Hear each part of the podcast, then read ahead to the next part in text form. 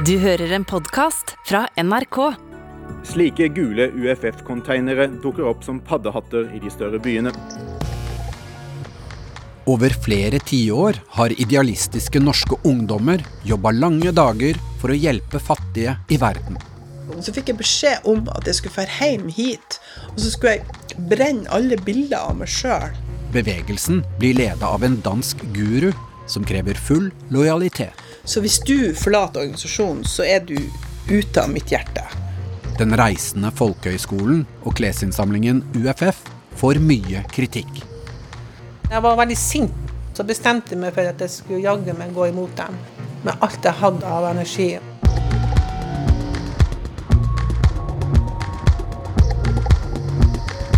Du hører på Sekten som ville redde verden av Kaja Frøysa.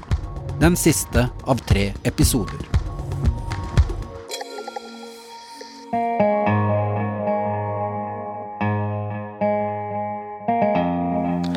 Jeg skrev jo under på at det var andre som skulle ivareta min økonomi. Så I hele min periode i Tvinn har jo ikke jeg hatt noe lønninntekt. Astrid Eiterå er i starten av 20-årene og jobber full tid i UFF i Oslo med å tjene penger til organisasjonen. Vi bakte proteinkjeks, og vi hadde kakelotteri. UFF laga en sånn her kalender sånn apartheid mot uh, apartheid. Og den sto vi ute og solgte for å tjene penger. Lønnen hennes går inn i stiftelsen Felleseie, og ifølge Tvinn selv går pengene fra denne kontoen til u-landshjelp. Du skulle gi eh, 80% av inntekta di vekk for å få skattefrihet. Etter ett år i UFF begynner Astrid på Tvinns lærerutdannelse, Det nødvendige seminarium, i Danmark. Og så jobber jeg på dels på en, et bokbinderi, og så jobber jeg på et tørkestativfabrikk. Selv om den øverste lederen for Tvinn-bevegelsen, Mogens Amdi Petersen, har gått under jorden og ikke er tilgjengelig for offentligheten, er han fortsatt Tvinns ubestridte leder. Astrid, som nå har kommet inn i varmen, får møte han. Første gang jeg møtte han personlig, kom til møte med han. Hun møter ham på hans hemmelige tilholdssted. Han hadde sånn her kjempelangt skjegg og så hadde han briller. Han så sånn skikkelig skummel ut. Men han var veldig artig å snakke med. Amdi legger fram mange forskjellige morsomme oppgaver som Astrid kan velge mellom. Han spør henne Kunne du tenkt deg til å ha ditt eget antikvariat? Eller kunne du tenkt deg til å komme til ei øde øy og utforske den? Amdi sier at han har en helt spesiell rolle som han syns passer for henne. Og det skulle være sånn en sigøynerposisjon jeg skulle hatt. Hun skal få være det han kaller læregruppen sigøyner. Han vil sende meg ut på forskjellige prosjekter rundt omkring i verden. Det hørtes helt sinnssykt fantastisk ut. Og, og så sa han at nå skulle jeg gå ut og tenke meg om, og så skulle jeg komme tilbake. Så det gjorde jeg. Hun trenger ikke tenke lenge, og skynder seg tilbake. Og så banka jeg på, og så ble han helt paranoid. Så sa han du må ikke banke på, jo Vi tror jo det er politiet som kommer. Frykten for at politiet skal komme for tett på, preger Amdi og hele organisasjonen. Astrid får vite at hun må passe seg for politiet og være på vakt. Så fikk jeg beskjed om at jeg skulle dra hjem, og så skulle jeg brenne alle bilder av meg sjøl. Og sånn ta bilder ut av fotoalbum, fordi liksom etterretningstjenesten de var ute etter sånn her. Astrid reiser hjem til foreldrene, men hun vil ikke ødelegge fotoalbumene og brenne bildene av seg selv. Det forteller hun ikke til noen når hun kommer tilbake til Danmark. Hun får stort ansvar som lærergruppens sigøyner, og farter rundt på mange av Twins prosjekter over hele verden. Starta en ny eh, konfeksjonsfabrikk i Marokko, f.eks. Så var jeg der. Jeg var der i fire måneder. Så var jeg med på det, liksom. Så jeg var liksom sånn ekstra arbeidskraft rundt omkring i forskjellige sammenhenger. Og så fikk jeg en Mercedes. En hvit Mercedes. Som jeg kjørte i. Astrid kjører overalt med den hvite Mercedesen, men en ung jente bak rattet i en luksusbil vekker interesse. Hver gang hun krysser en grense, blir hun stoppet av tollerne. Helsike hver gang jeg skulle inn i Sverige. Hun var sånn der ung jente med litt lø- lørvete hår. Og så kjørte jeg inn en hvit Mercedes. Så tollerne de gjennomsøkte den hver eneste gang jeg skulle inn i Sverige.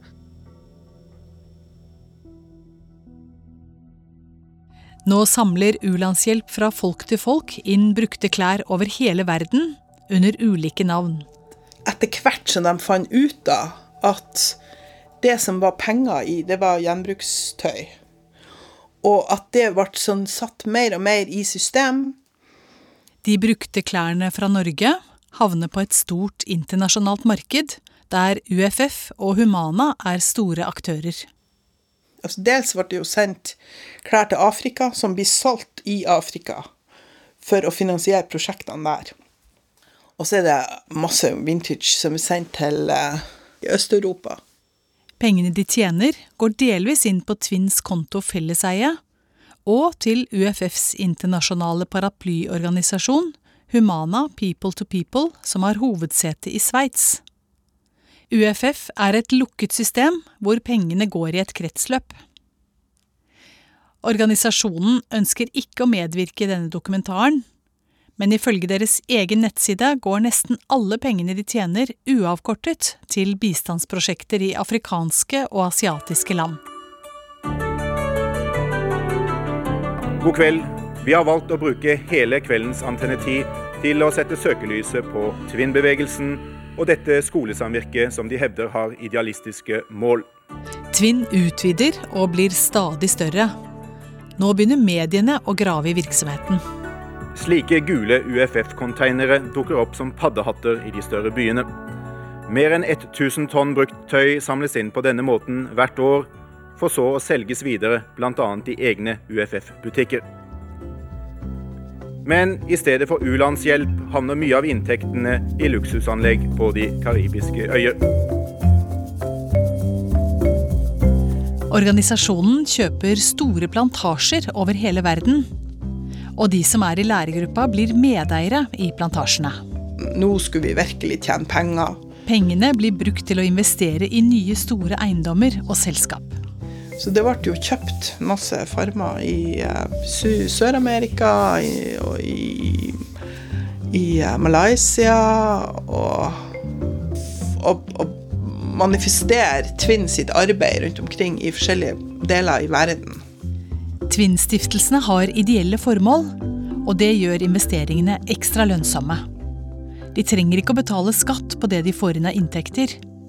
Medlemmer i læregruppa driver plantasjene, selv om ikke alle har erfaring med å dyrke i tropiske strøk. Det ble litt sinnssykt, de der plantasjegreia. plantasjegreiene. Det som ikke kan brukes, går til de som jobber på Tvinn i Danmark. Bananer, mango. På Tvinn-skolen så fikk vi sendt sånne her masse sånne her dunker med mangosaft. Sånn tjuktflytende mangosaft. Så da eh, drakk vi alle sammen sånn her mangojus i store mengder. Astrid, som Amdi kaller for Tvinn-bevegelsens sigøyner, er på farten hele tiden, nesten hele døgnet. Det er lite tid til å tenke over ting. Har veldig lite tid, lite søvn. Man skal jobbe hardt, så man når mye. Og så når man jo heller ikke å stille så mye spørsmål. Men vi hadde bestandig så travelt. Hvorfor i all verden skal vi ha det så travelt? Det var liksom sånn her hesblesende tempo. Eh, og, og det var normen. Altså, det var sånn det skulle være.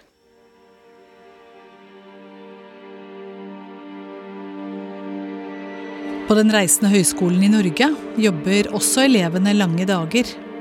Skolen eier og driver Hornsjø høyfjellshotell, som ligger langt unna folk noen mil nord for Lillehammer. Elevene på skolen jobber på hotellet. En av dem er Monica Aanonli, som også kommer nordfra. Vi prøver jo faktisk å komme oss ut av hotellområdet og om så bare få ta en fest i skogen. skjønner du? Bare få komme seg ut. Det er lite fritid for Monica og de andre skoleelevene. De hadde jo egen Hornsjøbuss, men den hadde jo ikke vi tingene på. Og så hadde én bil. Vi var bra lukka. Vi kom oss ingen plass. Skolen er ikke godkjent av norske myndigheter, og derfor har ikke elevene krav på offentlig støtte.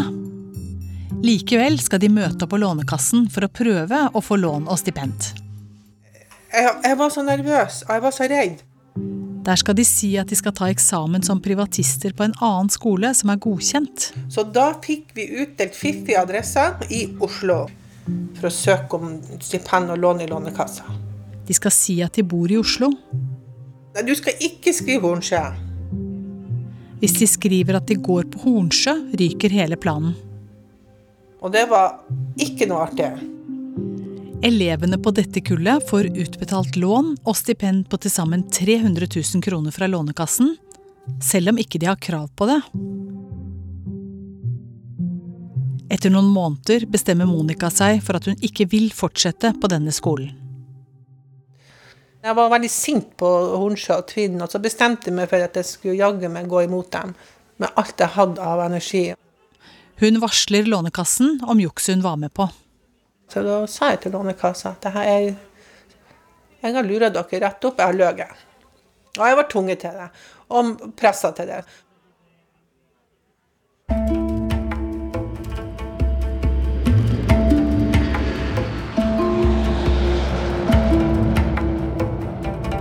I nesten ti år reiser Astrid Eiter over hele Europa til USA, Mellom-Amerika og Asia. Hun er idealist og overbevist om at hun jobber for å jevne ut forskjellen mellom fattige og rike. Jeg faktisk mente at, at, at det var det jeg holdt på med. Men nå begynner hun å reagere på ting som hun ikke har brydd seg om tidligere. At det handler veldig mye om økonomi. De i øverste ledelsen hadde jo veldig fine biler og hadde veldig sånn eh, klesstil. og altså, Det var dyre møbler, og det var fine ting. Og nå skal vi ha designerting, og nå skal vi ha Astrid syns det er rart at de omgir seg med så mange dyre ting. Hun syns det minner lite om det hun forbinder med u-landshjelp. Fra at vi var sånne fattige idealister som bodde billig og spiste billig mat og skaffa billige greier, og så til skiftet av at nå er vi sånne som går i designertøy og, og, og, og, kjøper designermøbler. Når hun først begynner å reagere, er det mye hun ikke får til å stemme. Det er som om øynene åpner seg stadig mer, og hun oppdager noe nytt som hun ikke har reagert på tidligere. F.eks. om hvordan organisasjonen er bygget opp, med den ene opphøyde lederen. Én mann en eh, gruppe av damer, og han er uimotsagt. Hun spør hvor pengene til designmøblene er hentet fra, men hun får ikke noe svar. Det er en ugjennomskuelig økonomi.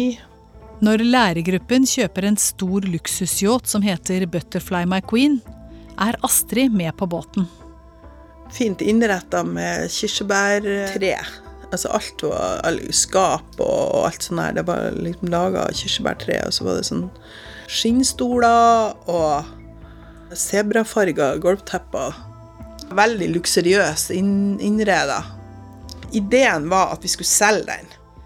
Båten blir seilt over Atlanteren til luksuriøse Palm Beach, som ligger like nord for Miami, der også Twin har en stor eiendom. Tvinn hadde et hovedkvarter, eller hadde en sånn her økonomienhet i Miami. Astrid er i Palm Beach når luksusyachten skal selges. Så skulle jeg være der i Florida, og så skulle jeg passe skipet sammen med han som var kaptein. Her møter hun plantasjeeiere. Flere av dem er danske, og for Astrid er det nå stadig mer hun ikke får til å henge sammen.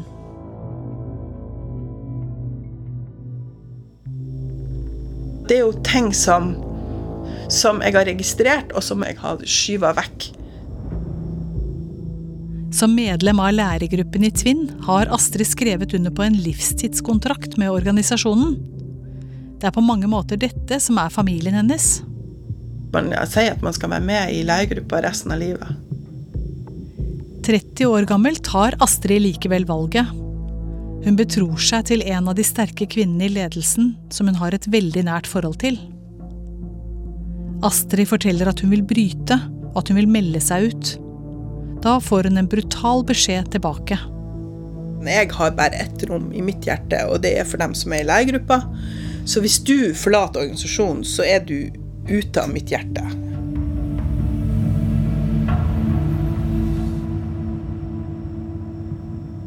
Hun blir innkalt til møte med Andi. Så sier jeg at det ville jeg ikke. Men jeg torde ikke.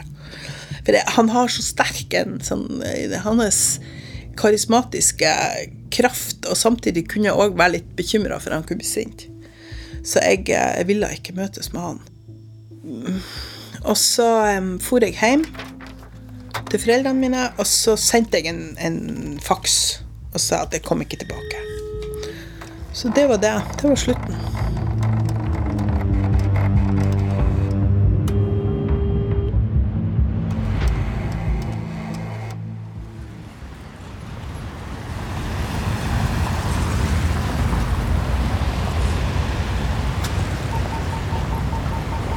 UFF gjør det stort med klesinnsamling og salg av brukte klær over hele landet.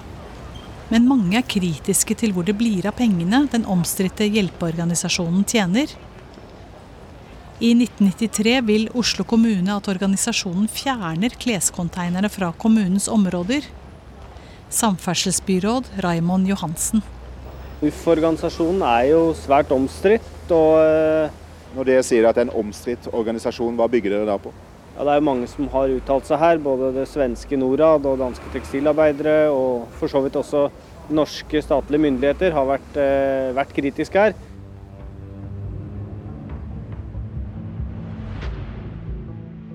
Kritikken mot Tvinn-bevegelsens mange prosjekter fortsetter. En tidligere elev går til rettssak mot den reisende høyskolen på Hornsjø. Hun stevner skolen for å ha påført henne posttraumatisk stress, og får støtte fra psykiatere og andre elever. Det blir vanskelig å bevise at det skolen har gjort er straffbart, og den reisende høyskolen blir frikjent for anklagene. Skolen fortsetter som før og rekrutterer nye elever til kursene sine. Det er et eller annet gærent. Elin Snapperud er elev på skolen på 90-tallet. Hun blir intervjuet i Ungdommens radioavis i NRK. Det er noe som skjer med det psykiske mennesket der oppe. Lærerne presser deg på en måte. De Nei, jeg syns det er vanskelig å, for, å, forklare akkurat hva det er for noe. Fordi jeg veit liksom ikke helt, men jeg forbinder det med, med hjernevask. Og det var en gang oppe på skolen der så fikk jeg det inntrykket av rektoren at han var allmektig. Jeg fikk en slags Hitler-følelse. At han, han øh, hadde en utrolig makt der oppe. Altså. Jeg var redd rektoren. Jeg er rett og slett redd den. Jeg ser ikke at det har foregått jernvask. Fordi er det noen forsamlinger som jeg har vært i, som virkelig er åpne for alle mulige forskjellige synspunkter og diskusjoner, så er det den gjengen der. Øyvind Wistrøm har rollen som skolens ansikt utad. Da når vi kom opp til Hornsjø, så var jo hele bygda i opprør om at den gærne gjengen kom dit opp og lurte på hva i all verden var disse her for noe. Du kommer som et fremmedelement og blir mistenkeliggjort fordi du kommer med noe som folk ikke er vant til.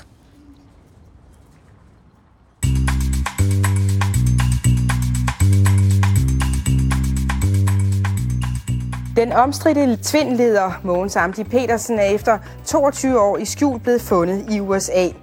Tvinn-lederen har gjemt seg for politiet i 22 år. I 2002 blir det avslørt at han bor i en nesten 1000 kvadratmeter stor penthouse-leilighet i millionærparadiset Fisher Island i Florida. Altså, det var litt spesielt da det kom frem det der med den leiligheten på Fisher Island. Altså, da hadde, fikk jeg litt dårlig smak i munnen. Astrid Eiterå, som er avhopper fra Tvinn. Ei leilighet på Fisher Island, som er et av de dyreste områdene i USA, som har kosta mange, mange millioner. Nettet snører seg sammen rundt Tvinn-lederen. Nå slår amerikansk politi til. Amdi og fire andre ledere blir arrestert i Los Angeles, og siktet for grov økonomisk kriminalitet. Lederen for den omstridte tvinnrørsla, Mogens Amdi Petersen, er arrestert av politiet i USA. Han har i mange år vært ettersøkt for skattesvik og svindel av opptil 75 millioner danske kroner. Etter noen måneder i varetekt i amerikansk fengsel blir de utlevert til Danmark, der de blir tiltalt. Men den danske påtalemyndigheten taper saken i tingretten. Presis klokken 13 falt dommen, og få minutter efter kunne frifundet Tvindstifter møde pressen. Ja, dommeren afsagde jo sin kendelse. Og øh, nu må vi se, hvad der sker de næste 14 dage, hvor der er mulighed for anke. Mens ankesaken blir behandlet, rekker Amdi og hans fire sterke kvinnelige medspillere å rømme fra landet. Han er eftersøgt over det meste af kloden. Han er mistænkt for at stå bag millionsvindel i den helt store klasse. Penge, der skulle gå til verdens fattige, havnede i stedet hos Amdi og hans Tvind-imperium. Det hævder den danske anklagemyndighed. Amdi og de fire kvinnene er også etterlyst internasjonalt av Interpol. I de neste årene bygger de opp et enormt hovedkvarter og utdanningssenter for Twin-imperiet på den meksikanske halvøya Baja California. Mexico har ikke utleveringsavtale med Danmark.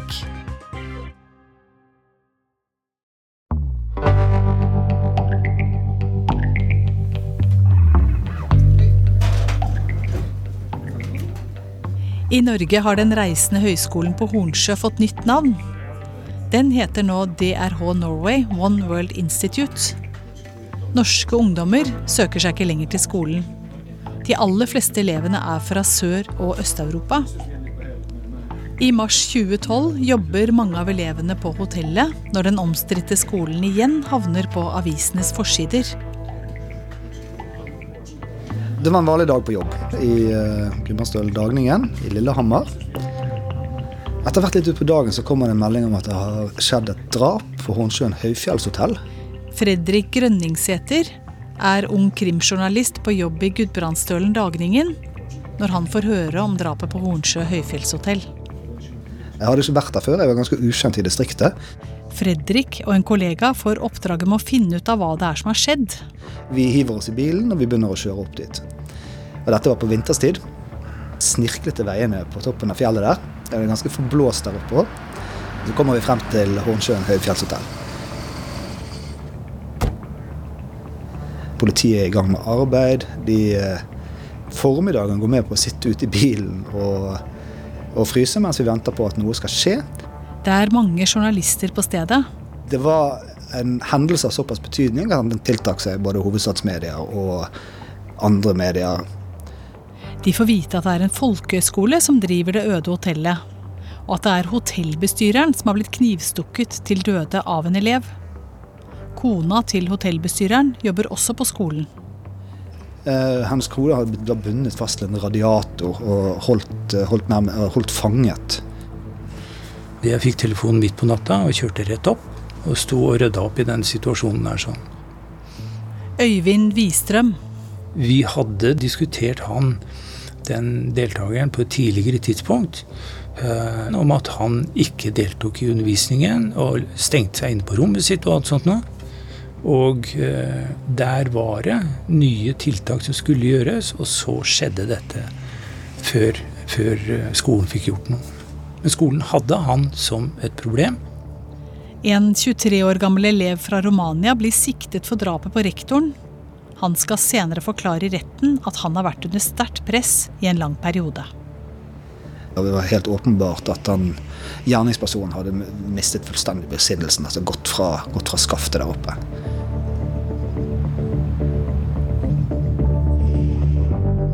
Det at mange av elevene er fra lavinntektsland i Øst-Europa, vekker nysgjerrigheten hos Fredrik fra Gudbrandsdølen Dagningen. At dette var noe som var litt eh, Som hadde litt, et litt større ramme rundt seg enn en bare kanskje et ordinært drap. Jeg ble iallfall veldig nysgjerrig. Når Fredrik begynner å snakke med noen av elevene, får han høre mange historier. Altså, den første jeg snakket med av de elevene, var en rumensk uh, ung mann som het Cosmin Chito. Han hadde fått skadet øyet sitt. Han hadde da jobbet med disse gamle bilene. Han hadde pådratt seg en skade. Dette er verken nordmenn eller ressurssterke mennesker. Elevene forteller at de må betale skolepenger på 80 000 kroner, men at de kan jobbe i stedet for å betale. Elevene selv kalte at det de hadde holdt på med, var slavearbeid. Det var jo deres påstand. Bare idet de passerte Start, så skyldte de vel 50 000-60 000. Flere av de som mente at de hadde blitt utnyttet. De hadde, de hadde ikke fått det de hadde blitt forespeilet på rekrutteringsmøter i utlandet. De hadde rett og slett blitt eh, utnyttet når de kom til Norge, og de drev med slavearbeid. didn't matter how, how hard we worked and how long we. Adi Badescu fra Romania er en av studentene som forteller om det han kaller slavelignende arbeidskontrakter. The money we earned wasn't enough to pay our debt to the school. No, it, it, doesn't have anything in common with uh, an educational system or whatever. I think uh, what uh, the RAG is doing is uh, use people, people from uh, Eastern Europe, uh, cheap labor, to work as, as slaves.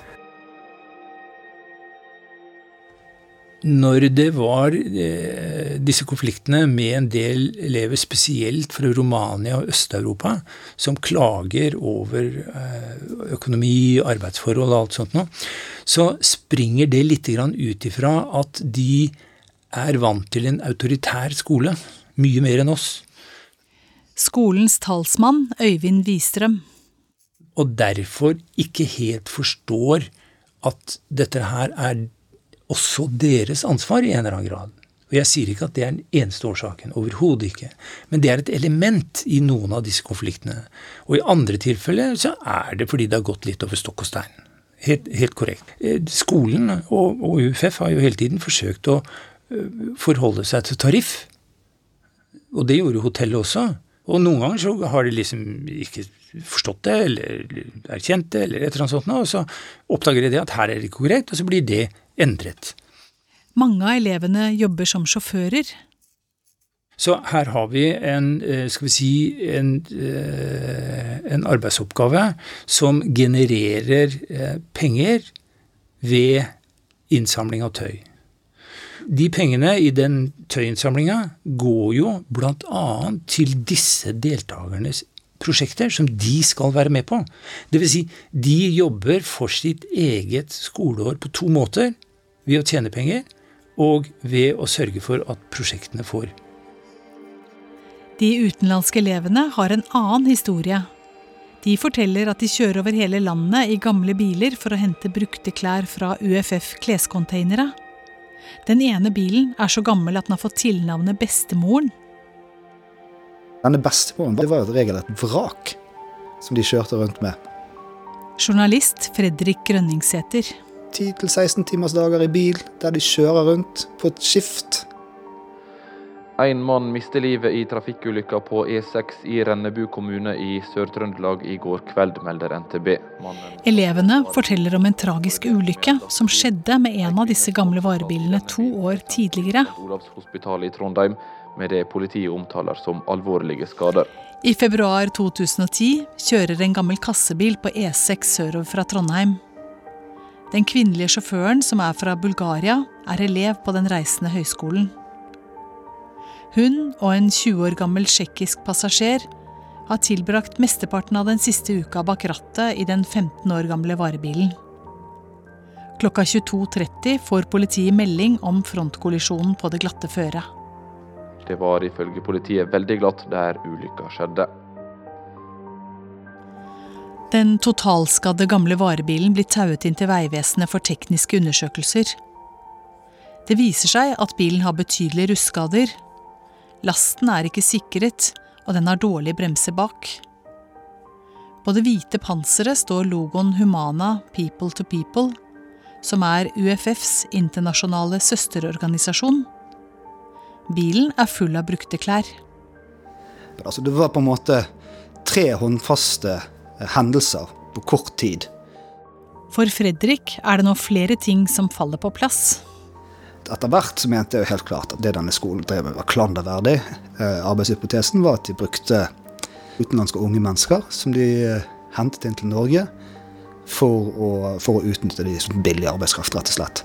Og de pengene ble jo da sluset inn videre i det, det såkalte Tvinn-systemet, altså Tvinn-organisasjonen. Det blir flere store oppslag i mediene om hvordan studentene på høyskolen jobber på Hornsjø for luselønn. Nå vil Arbeidstilsynet ha slutt på at elevene blir brukt som billig arbeidskraft.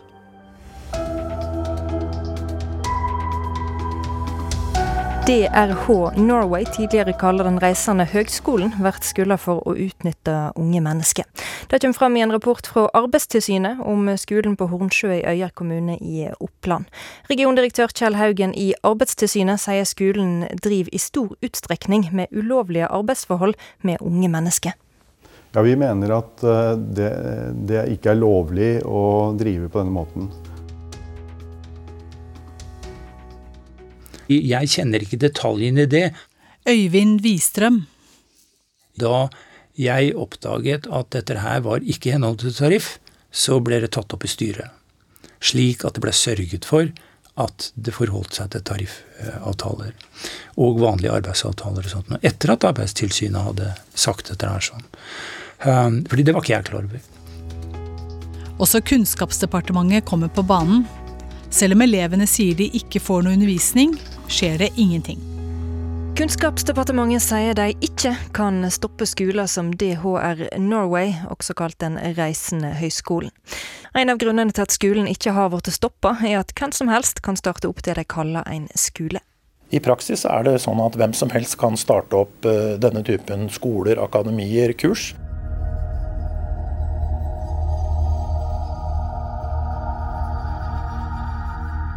Oppslagene endrer lite.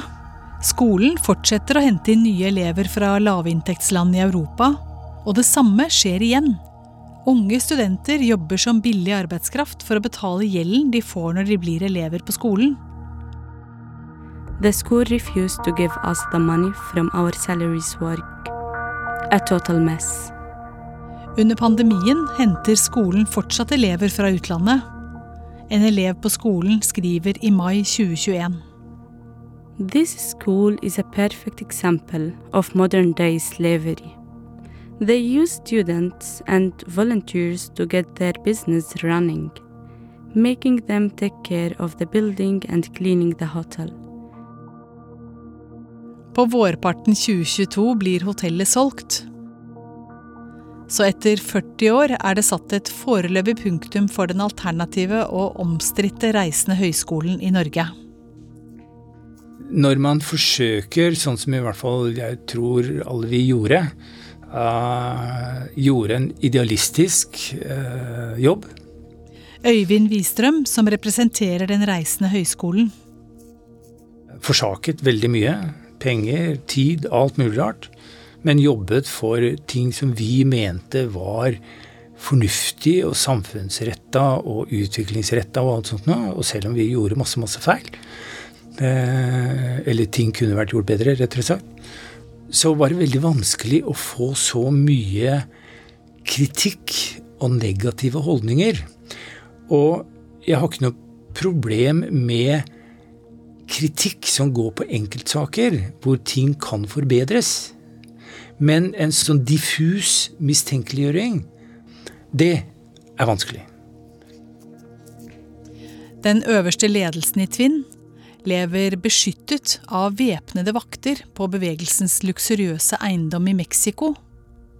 Her har verken Interpol eller danske Økokrim mulighet til å få tak i dem. Sammen med sine mest betrodde kvinnelige medarbeidere styrer Amdi fortsatt bevegelsen som har fått fotfeste i mer enn 40 land over hele verden. Den borgerlige stil er en felle. Astrid Eitrå. Smålighet og dumhet seg melde. Der hvor vi kommer hen, der skal vi bryte den. Ja, ok. Sånn. Vi hadde en sang da vi gikk på Den reisende folkeskole som heter 'Den borgerlige stil er en felle'. Det har gått mange år siden hun forlot Tvinn og skolesenterets ubestridte leder Andi Petersen. Det er den fella han er gått i. Altså, han er, han er blitt oppslukt av luksus og fine ting, og han er gått i den borgerlige fella. Nå tenker hun på all den tiden av livet hun brukte på Tvinn, og hva det har gjort med henne. Og så er det klart at man først får de brillene på, at man begynner å se ting som ikke er i orden, så ser du mange ting. Så begynner du å legge merke til alt mulig som ikke helt henger sammen. Nei, jeg vet ikke, det blir vanskelig å snakke om alle det her. Det er sånn Ikke blitt ordentlig tatt vare på i vanskelige situasjoner.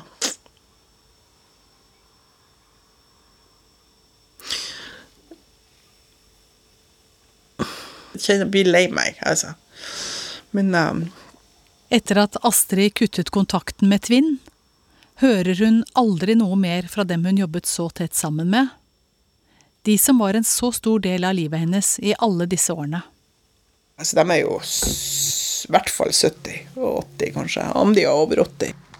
På et tidspunkt så, så hørte jeg at alle de her damene oppe i ledelsen de har fått seg sånne små hunder. Og så tenker jeg at de er jo sikkert veldig ensomme. Og de har jo liksom meldt seg litt ut av det store fellesskapet. Så de er jo liksom sammen med hverandre. Tror man liksom kjører seg sjøl opp i et hjørne hvor at man ikke kan Man kan ikke gjøre noe annet.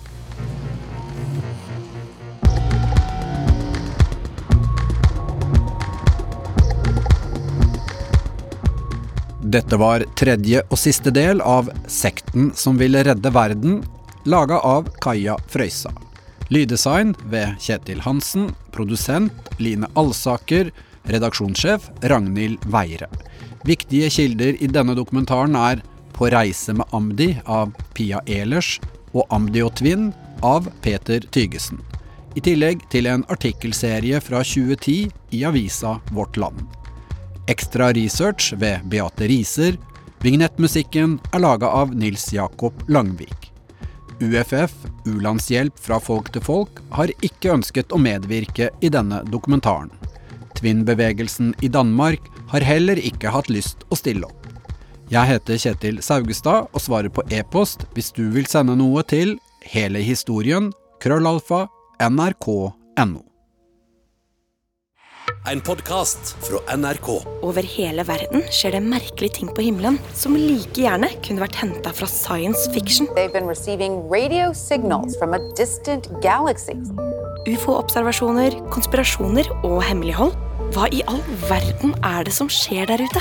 Å, fy fader! Jeg filmer det! Har det på tape! Jeg heter Line Elfsåshagen og jakter på det ukjente. Ukjent hører du kun i appen NRK Radio.